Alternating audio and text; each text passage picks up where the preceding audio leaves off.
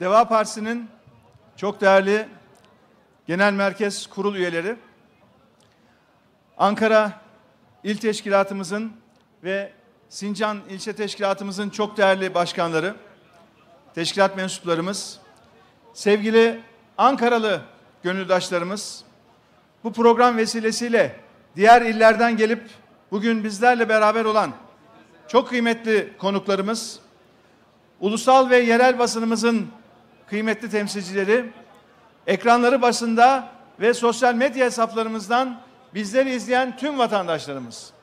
Hepinizi en içten duygularımla selamlıyor. Sincan ilçe binamızın açılış törenine hoş geldiniz diyorum.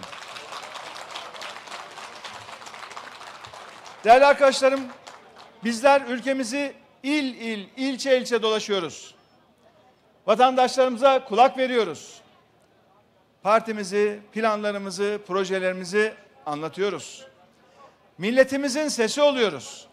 Sorunlara çözüm, dertlere deva olmak için yoğun bir hazırlık içindeyiz. Bakın, sadece şu son dört hafta içerisinde, sadece geçtiğimiz dört hafta içerisinde neler yaptık, nerelere gittik sizlerle kısaca paylaşmak istiyorum.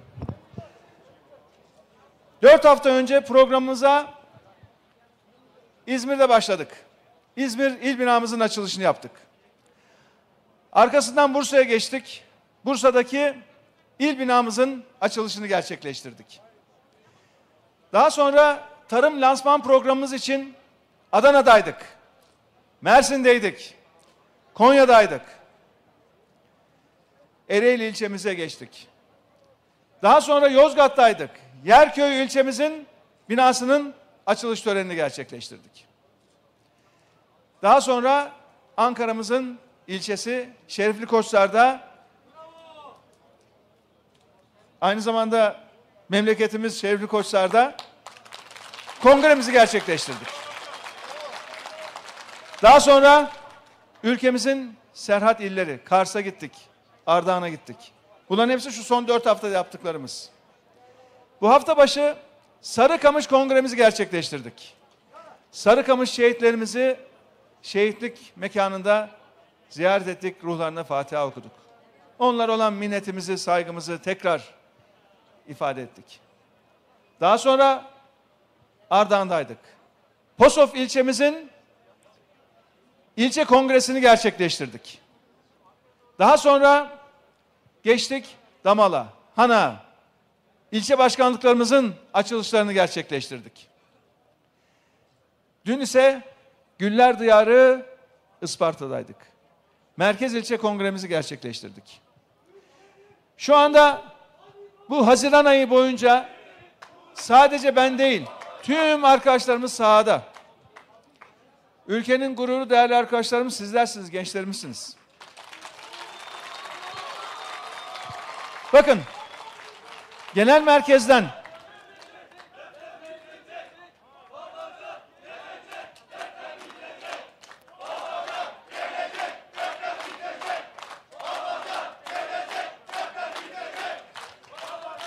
Değerli arkadaşlarım, Deva Partisi bir kadro hareketi. Bu deva kadroları gelecek, inşallah memleketimizin çözülmeyecek bir sorunu kalmayacak.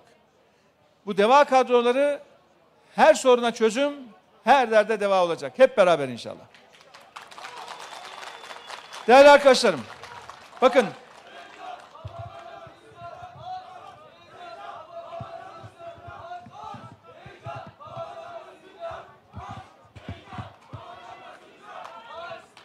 Değerli arkadaşlarım, bakın Ankara tabii ki başkentimiz ama aynı zamanda önemli bir tarım ilimiz. Ankara'da çiftçilik yapan, tarımla uğraşan çok vatandaşımız var. Biz geçtiğimiz haftanın başında tarım eylem planımızı açıkladık. Tarım eylem planı. Bu nedir? İlk seçimden sonra, hükümet kurulduktan hemen sonra, ilk 90 günde ve ilk 360 günde tarımla ilgili, çiftçilerimizle ilgili, hayvancılıkla ilgili ne yapacağımızı detaylarıyla ortaya koyduk.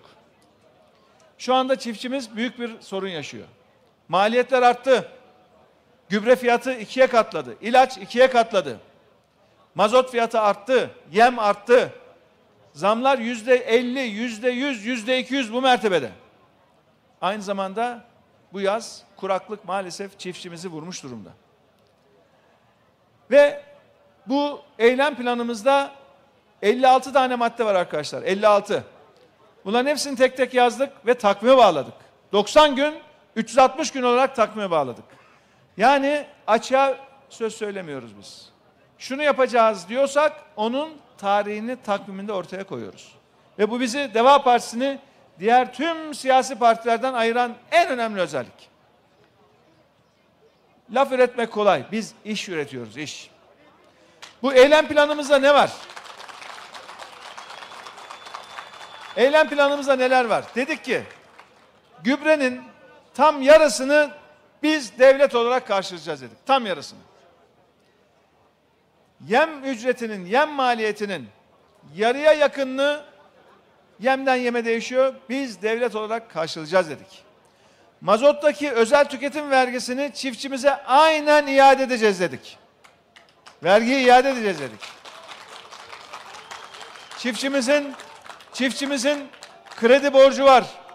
Faiz üzerine faiz ekleniyor şu anda. Faiz üstüne faiz. Biz çiftçimizin borcunu iki yıl faizsiz öteleyeceğiz. İlk taksit ta iki sene sonra başlayacak. Kuraklık var, kriz var. Hükümet kredi üzerine kredi yeniden yapılandırması yapıyor. Eski borcun üzerine faiz ekliyor, yeniden borçlandırıyor. Eski borcun üzerine bir faiz daha ekliyor, bir daha borçlandırıyor. Böyle bir şey yok. Biz çiftçimizin borçlarını faizsiz olarak iki yıl öteleyeceğiz. Traktöre bakın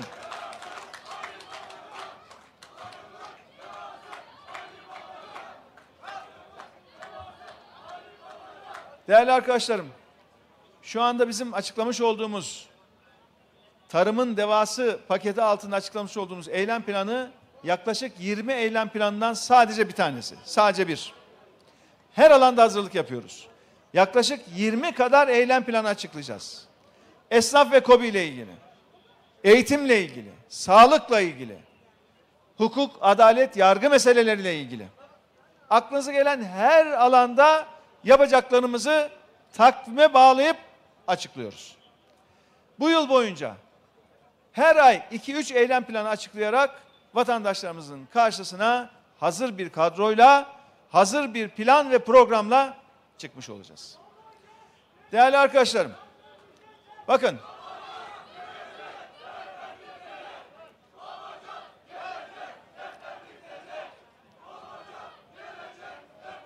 İşte bu gençlerdeki bu heyecan olduğu sürece inşallah bu ülkenin derdi kalmaz. Biz genç kadrolarımızla iş başına geleceğiz. Biz kadın kadrolarımızla iş başına geleceğiz. Biz hem tecrübesi olan hem de siyasete ilk defa Deva Partisi çatı altına giren arkadaşlarımızla inşallah iş başına geleceğiz. Değerli arkadaşlarım, biz Deva Partisi'ni kurarken çok temel bir ilkeyle yola koyulduk. Demokrasi için, milletimizin sesini egemen kılmak için yola koyulduk.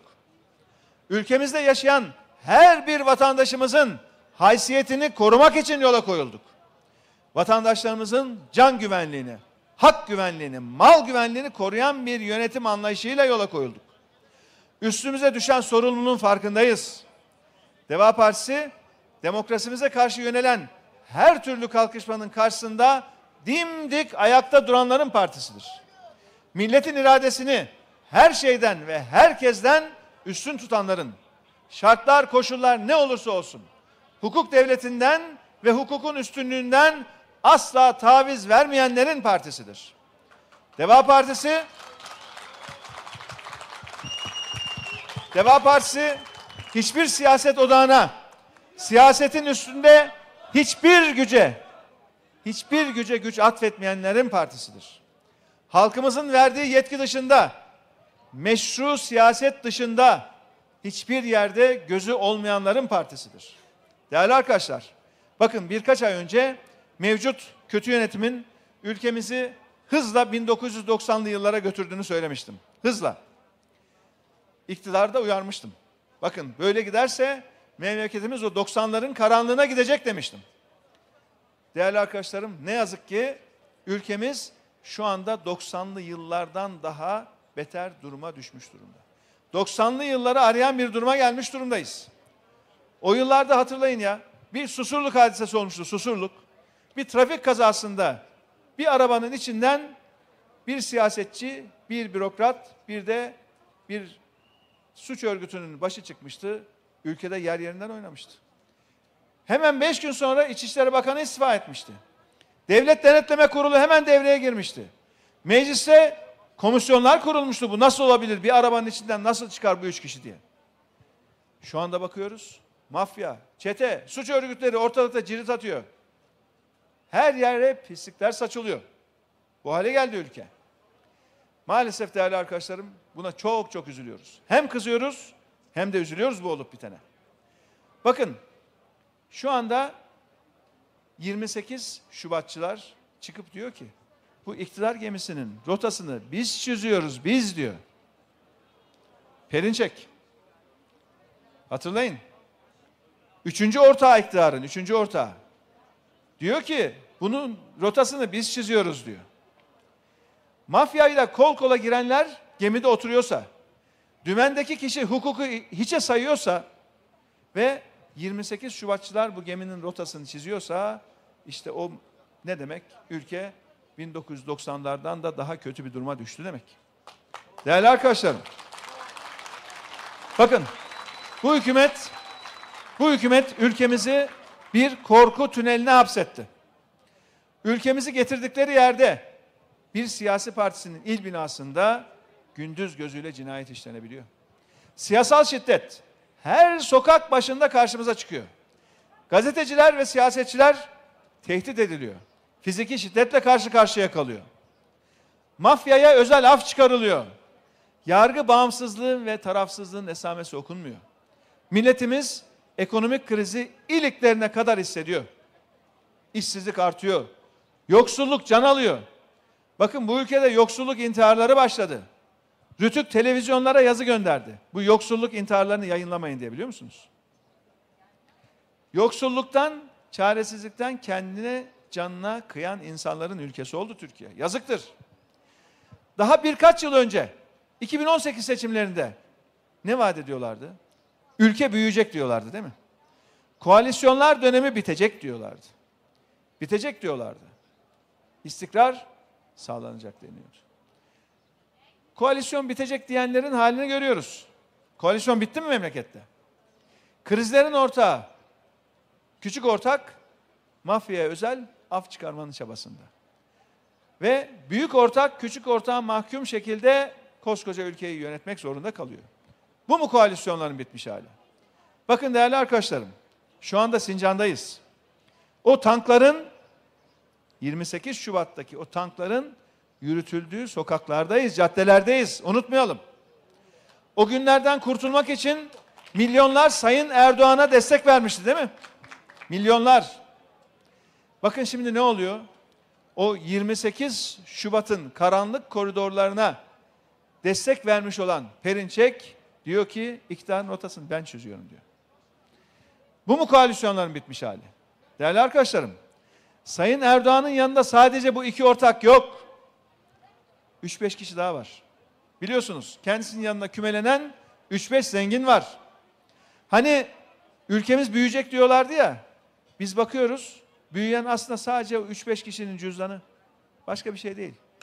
Hatta belli ki sadece o cüzdanlar Türkiye'de de dolmuyormuş.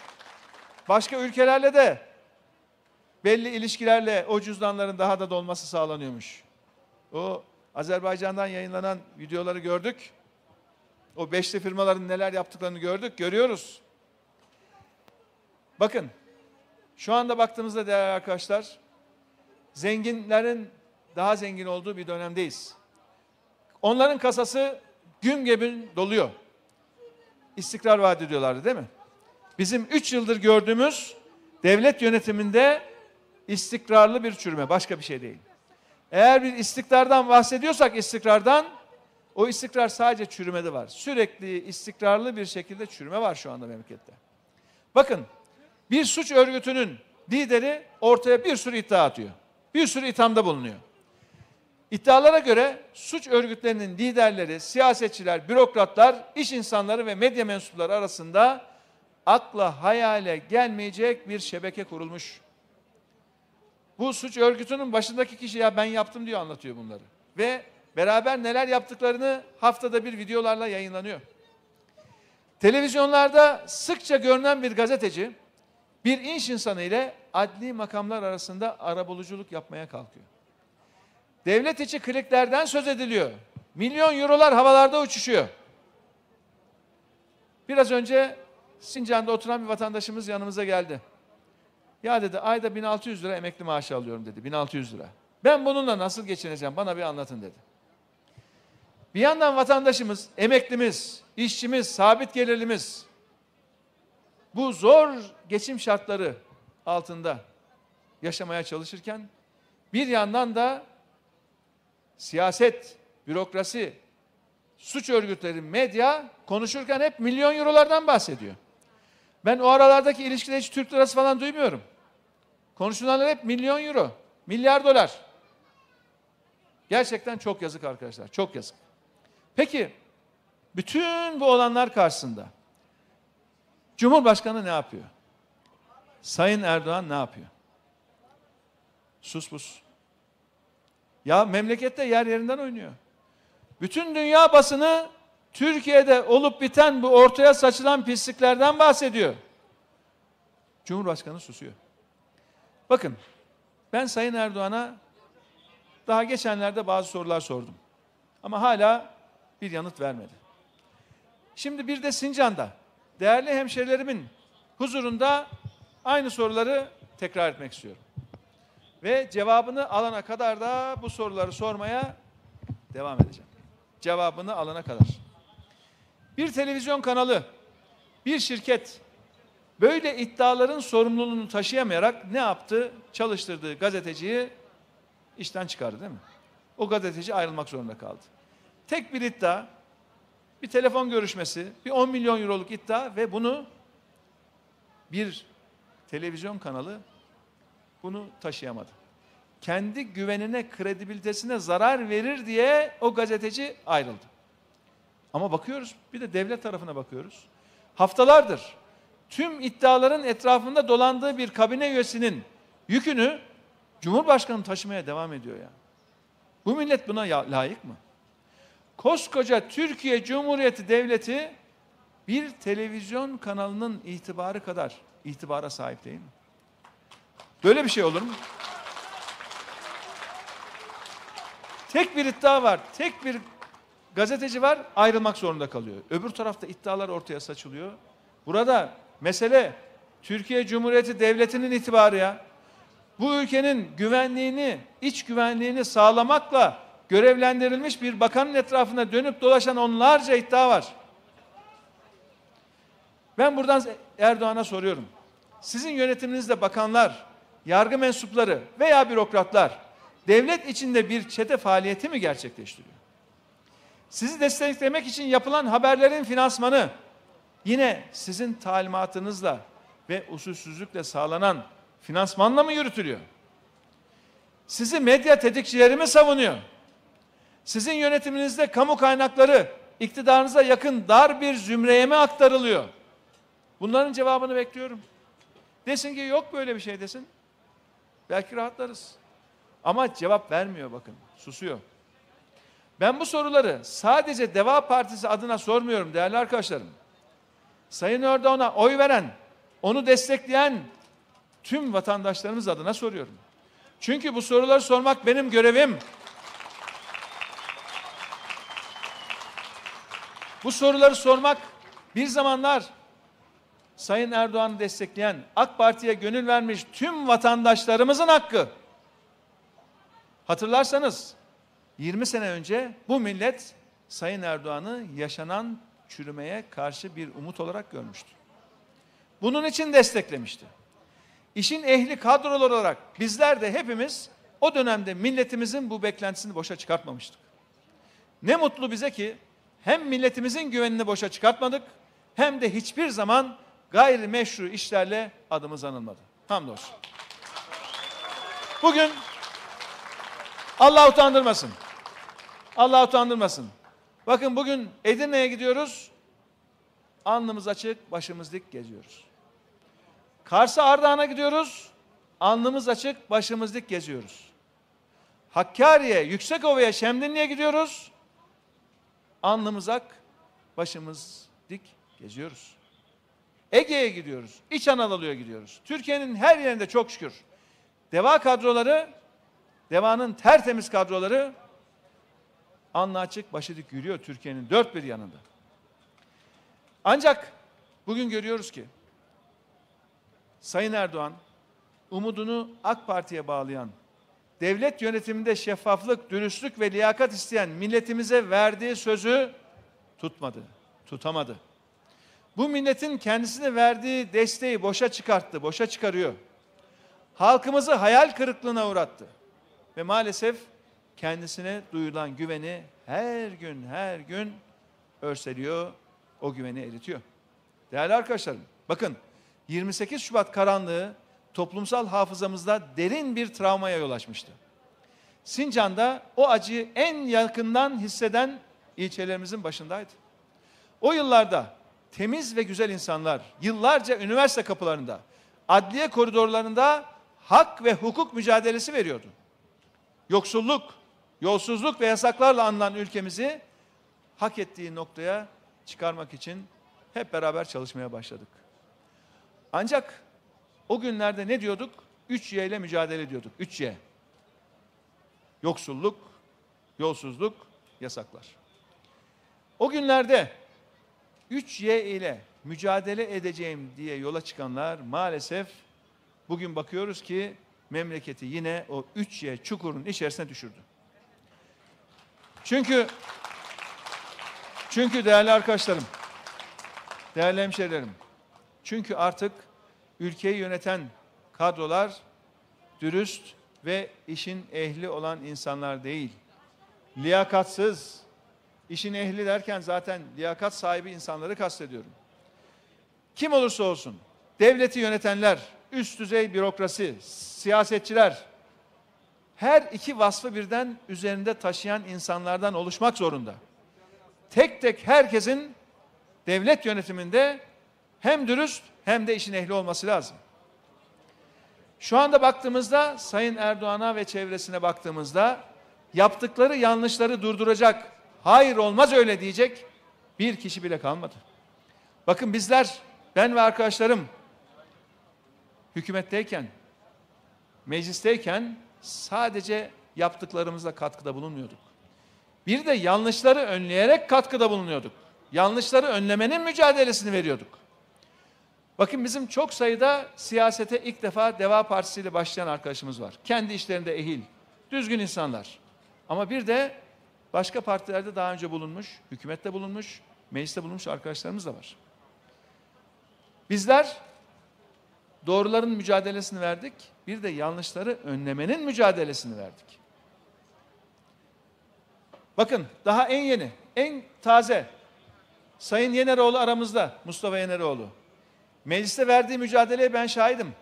Parti içerisinde verdiği mücadeleye ben şahidim. Doğruların mücadelesi ve yanlışlara engel olmanın mücadelesiydi bu. Yine mecliste, bulu, mecliste bulunan arkadaşlarımız, bak İdris Şahin Bey aramızda. Doğrunun mücadelesi ve yanlışı önlemenin mücadelesi. Kerem Altun Bey aramızda. Ali İhsan Merdanoğlu Bey aramızda. Hasan Karal Bey aramızda. Abdurrahim Aksoy Bey aramızda. Bakanlarımızdan Selma Aliye Kavaf aramızda. Yıllarca Adalet Bakanlığımızı yapmış Saduha Ergin aramızda. Bunların şöyle bakıyorum inşallah adını gözden kaçırdığım arkadaşımız yoktur. Mecliste ve hükümette olmuş arkadaşlarımızı şöyle özellikle hatırlatmak istiyorum ki bunların hepsi şahittir. Tabii ki her şeyden önce Allah şahittir. Bizim sadece yaptıklarımız değil, yanlışlara engel olmak için verdiğimiz mücadele de çok önemli mücadele arkadaşlar. Şu anda böyle bir şey kalmadı. Herkes suspus, korkuyor. Zaten kadrolar da ona göre oluşturuluyor. Sesi çıkmasın, fazla itiraz etmesin. Bir de bunlarla mı uğraşacağım diyor. Bunlarla beni uğraştırmayın diyor. Yat deyince yat, kalk deyince kalk, kadrolar oluşturdu etrafında. Bunun için işler kötü gidiyor. Bunun için bir hizmet üretilemiyor. Bunun için sorunlar çözülemiyor. Ben buradan Cumhurbaşkanı'na, Sayın Erdoğan'a soruyorum. Yola birlikte çıktığınız arkadaşlarınızdan kaçı şu anda yanınızda ya? Şöyle bakın. Diyorum ki şöyle bir sağınıza solunuza bir bakın. Arkanıza dönüp bir bakın. Lafa gelince yola çıktıklarımızı yolda bulduklarımıza değiştirmedik diyorsunuz değil mi?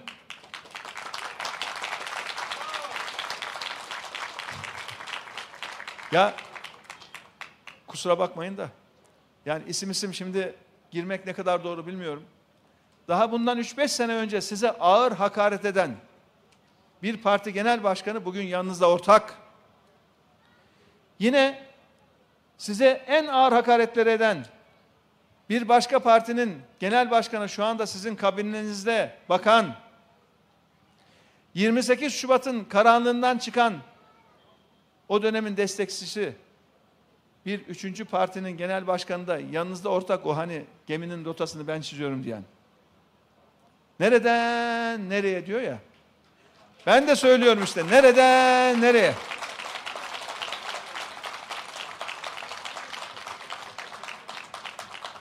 Bu mu değişmeyen kadro? Ve değerli arkadaşlarım, gerçekten Türkiye'nin şu anda ihtiyacı yepyeni bir siyasi hareket. Bakın, biz eğer biz eğer mevcut partilerden herhangi birisiyle Türkiye'nin bir çıkışı olacağına inansaydık, hiç gocunmazdık, giderdik bu memleket için, bu ülke için çalışanlara destek verirdik. Böyle bir şey göremedik. Ve ben buradan açıkça bir zamanlar Sayın Erdoğan'a güvenip oylarını esirgemeyen vatandaşlarımıza da seslenmek istiyorum. Vaktinde AK Parti'ye gönül vermiş dostlarımıza burada sesleniyorum. Sizlerin haktan, hukuktan vazgeçmediğinizi gayet iyi biliyorum. Ortaya dökülen tüm bu kirli ilişkilere içten içe çok kızdığınızı, içinize sindiremediğinizi biliyorum mafyanın siyasi gündemi belirlediği, siyasetçilerin çetelerle iş tuttuğu bu günleri kabul etmediğinizi, kabul edemeyeceğinizi gayet iyi biliyorum. Tüm bu adaletsizlikleri, tüm bu baskıyı asla sinenize çekmediğinizi de biliyorum. 28 Şubat karanlığını üstümüzden alsın dediğiniz insanların 28 Şubatçılarla beraber yol yürümesinden çok çok rahatsız olduğunuzu biliyorum. Ve değerli vatandaşlarım, bir zamanlar AK Parti'ye gönül vermiş vatandaşlarımızın şu anda ülkemizin içinde olduğu bu krizi hak etmediğini, bu yoksulluğa, bu çaresizliğe layık olmadığını da gayet iyi biliyorum. Sizlerin bu çaresizliğe mahkum olmadığınızı bilmenizi istiyorum. Türkiye bu krizlere mahkum değil. Bu olanlar Bazen deniyor ki ya işte kader oluyor. Mesela ne diyorlar? Susuzlukla alakalı değil mi? Ya Allah yağmur vermedi. Doğru. Yağmur Allah'ın takdiri. Ama o kurak toprakları siz suyla zamanda niye buluşturmadınız? Niye yatırımları yapmıyorsunuz? Bakın 2019 ve 2020'de sulama yatırımları 2018'e göre tam yarı yarıya düştü. Sulama yatırım bütçesi. Biz arkadaşlarımızla hesap ettik. Tam 22 milyar dolara Türkiye'de sulanmadık bir karış arazi kalmıyor. 22 milyar dolara. Fakat şimdi Sayın Erdoğan tutturmuş ne diyor? İnadına diyor Kanal İstanbul yapacağım diyor. İnadına. En az 20 milyar dolar maliyeti var. 60 milyar dolara kadar çıkıyor. Biz de diyoruz ki ya bu inada gerek yok. Şunu biraz ertele. Bakın kuraklığın olduğu bir yıl yaşıyoruz. Şöyle gitse Anadolu'da 2-3 vilayet ziyaret etse, 8-10 tane çiftçiyi dinlese Kanal İstanbul'u erteler. Bunu yapmıyor. Çünkü etrafındaki şebeke diyor ki ya burada rant var rant. 500 bin kişilik şehir kuracağız diyor. Sincan kadar aşağı yukarı bir şehir kuracağız diyor. Burada çok para var diyor. Hepimiz kazanacağız diyor. Ya 16 milyonluk şehre İstanbul'a 500 bin kişilik bir şehir daha ilave etmenin acelesine rant rant. Bir de o etrafındakiler de neyi görüyor? Ya bu iş galiba yavaş yavaş bitiyor. Bu iktidarın sonuna da geliyoruz. Hazır bunlar iş başındayken, hazır hala yönetimdeyken acaba son birkaç ihale daha alabilir miyiz? Birkaç büyük proje daha başlatıp oralardan bir şeyler elde edebilir miyiz? Etrafını işte böyle insanlar sarmış durumda. Mesele de tam burada. Biz buradan bakın tekrar çağrı yapıyoruz. Bırakın şu inadınızı. O Kanal İstanbul'a ayıracağınız parayı derhal ama derhal bu ülkenin sulama projelerine ayırın. Bir an önce bu ülkenin toprağı suyla buluşsun. Çiftçimizin yüzü gülsün bir ya. Böyle bir şey olur mu?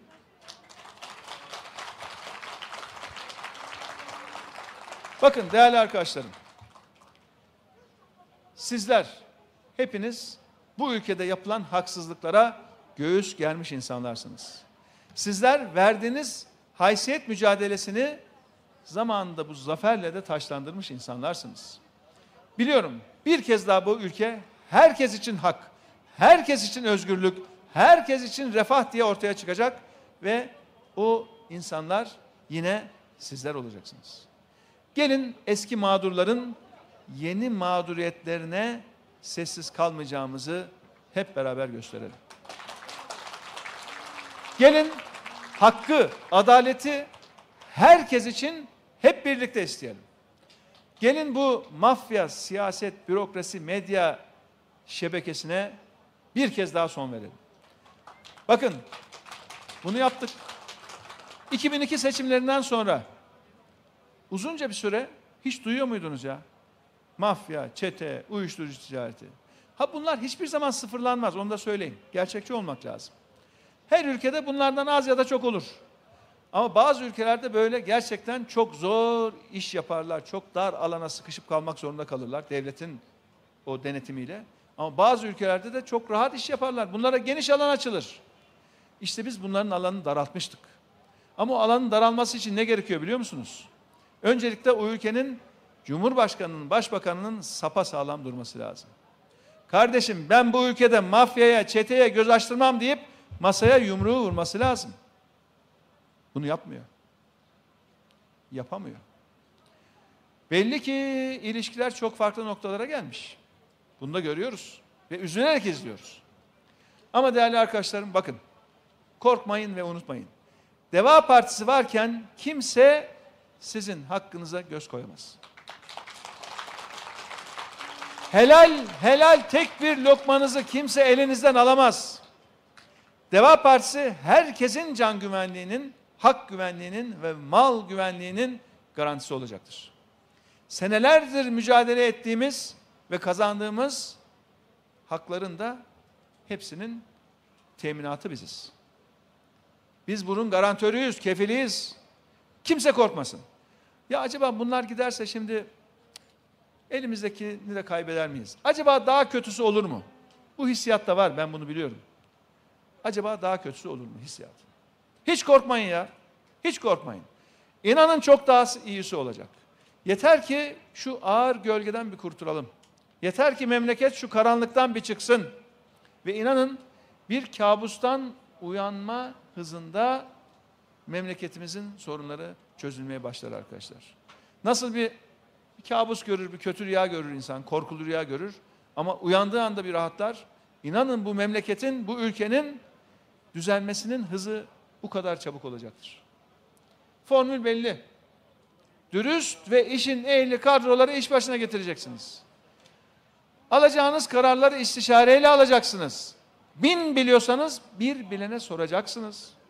Biz böyle yönettik. Yıllarca böyle çalıştık. Onun için başarılı olduk. Bakın bu ülkenin kişi başına düşen milli geliri 3500 dolardı. Ben bakan olduğum gün 3500 dolar. 12.600 dolara çıkarttık. Ve o gün dedik ki 2023 için hedefimiz 25 bin dolar dedik. Ya dedik ki ilk 10 yılda bu milli geliri dörde katladıysak ikinci 10 yılda da herhalde en az ikiye katlarız dedik. Ama ne oldu? Geçen yıl 8500 dolar. 14 sene öncesine döndü milli gelir. 14 sene öncesine. 2023 hedefi koydular şu anda. Ne kadar biliyor musunuz? 10 bin dolar. 10 bin dolar. Ya biz 25 bin doları ta 11 sene önce 2023'e 25 bin dolar hedef koymuşuz. Bunların şu andaki hedef 10 bin dolar. Sebep? Kötü yönetim. İnanın başka hiçbir sebep yok. Türkiye ile mukayese edilebilen her türlü ülke hızla kalkınıyor arkadaşlar. Büyüyorlar. Türkiye ise sürekli geri sayıyor. Patinaj yapıyor. Ama değerli arkadaşlarım şu konuda içiniz rahat olsun. Bir dönem artık kapanıyor. Ülkemizin hiçbir sorununu çözemeyen, ülkemize korku ve baskıdan başka artık hiçbir vaat sunamayan bu iktidarın dönemi artık kapanıyor. Dönülmez akşamın ufkundayız. Biz Türkiye'yi içinde olduğu çukurdan en kısa sürede çıkaracağız. Bundan hiç kimsenin şüphesi olmasın. Şu anda bütün siyasi partilere bakın. En güçlü hukuk ekibi bizde arkadaşlar. En güçlü. En güçlü ekonomi ekibi bizde. Zaten memleketin en önemli iki sorun değil mi? Bir adalet ve hukuk sorunumuz var, özgürlük sorunumuz var, bir de ekonomi sorunumuz var değil mi? Bakın ben her konuda böyle çok iddialı konuşmam. Ama mesele kadro olunca iddialı konuşurum. Her türlü bahse de varım. Şu andaki en güçlü hukuk ekibi de bizde, en güçlü ekonomi ekibi de bizde. Biz çözeriz. Deva hareketinin büyük bir değişime önderlik yapacağını çok iyi biliyoruz. Ülkemizi bir avuç çetenin, mafyanın, suç örgütlerinin cirit attığı bir ülke olmaktan kurtaracağız. Hep beraber bunu yapacağız. Deva Partisi hukukun üstünlüğünü sağlayacak ve o sağlam hukuk zemininde de hep beraber zenginleşeceğiz. Bir ülkenin zenginleşmesi öyle 3-5 kişinin zenginleşmesi değildir. Toplumun topyekün zenginleşmesidir. Herkesin satın alma gücünün artmasıdır. Biz bunu yaptık, yine yaparız. Bakın benim ekonominin başında olduğum dönemlerde tam 11 yıl bu arkadaşınız Türkiye ekonomisinin başında oldu. 11 yıl. O dönemde emeklerimiz şöyle bir 5-6 aylık maaşını biriktirip yurt dışında bir hafta 10 gün tatil yapabiliyordu ya. Gençlerimiz, öğrencilerimiz şöyle bir harçlıklarını biriktirip trenle mirenle de olsa bir yurt dışı turu yapıp gelebiliyordu. Paramızın satın alma gücü vardı. Paramızın itibarı vardı. Bunlar ne diyor? İki lafın başı milli yerli değil mi? Milli yerli, milli yerli. Ya dolar olmuş 8 lira 70 kuruş. Euro 10 liraya geçmiş. Paramız pul olmuş. Ben soruyorum Sayın Erdoğan'a. Nerede millilik, nerede yerlilik ya? Hani bizim milli paramız? Hani bizim yerli paramız? Ne oldu? İşte köşede, kuyumcu köşede ya. Bir çeyrek altın kaça arkadaşlar, çeyrek altın kaça? Bakın emeklerimiz geliyor yanımıza. Mukayeseler çok. Diyor ki ben bir emekli maaşımla altı tane çeyrek altın alıyordum. Altı diyor. Şimdi üç tanesine param yetmiyor diyor. Ne demekmiş? Para pul olmuş, para pul. Bizim kendi milli paramızı, yerli paramızı pul etmek, millilik de değildir, yerlilik de değildir arkadaşlar. Bakın biz hazırız. Sıcağın güneşin altında da sizleri daha fazla bekletmek istemiyorum. Biz hazırız. Türkiye'nin devası hazır ve emaneti teslim almaya geliyoruz. Bunu bilin. Biz biz her an her an hep beraber kurtaracağız inşallah. Hep beraber. Biz her an halkımızın içinde halkımızla beraber sorunların çözümü olacağız. Bu milletin aklıyla, onuruyla, gururuyla alay eden zihniyeti gittiğimiz her yerde anlatacağız. Milletimize kulak vereceğiz, dinleyeceğiz. Ve toplumumuzun gerçek gündeminden asla sapmayacağız. Biz Deva Partisi olarak bu ülkenin tek umudu olduğumuz bilinciyle çalışıyoruz. Çalışmaya devam edeceğiz. Bu vesileyle bu vesileyle değerli arkadaşlarım bir kez daha Sincan İlçe Teşkilatımıza çalışmalarında başarılar diliyorum. İlçe binamızın bu güzel ilçemiz için hayırlı çalışmalara vesile olmasını diliyorum. Ve başta değerli il başkanımız ve ilçe başkanımız olmak üzere tüm Ankara teşkilatımızı, Sincan teşkilatımızı kutluyorum ve önümüzde zor bir süreç var. Zorlu bir süreç var. Bir gün bile boşa geçirmeden, bir saat bile geçirmeden hep beraber sahada olalım diyorum. Hep beraber çalışalım, vatandaşlarımıza doğruları anlatalım, partimizi anlatalım, onların desteğini, dualarını talep edelim ve inşallah ilk seçimlerde, ne zaman olursa olsun bilemeyiz, ve ilk seçimlerde emaneti inşallah bu düzgün, dürüst, işin ehli, deva kadrolarıyla beraber emaneti teslim alalım diyorum. Hepinize çok çok teşekkür ederim. Sağ olun, var olun.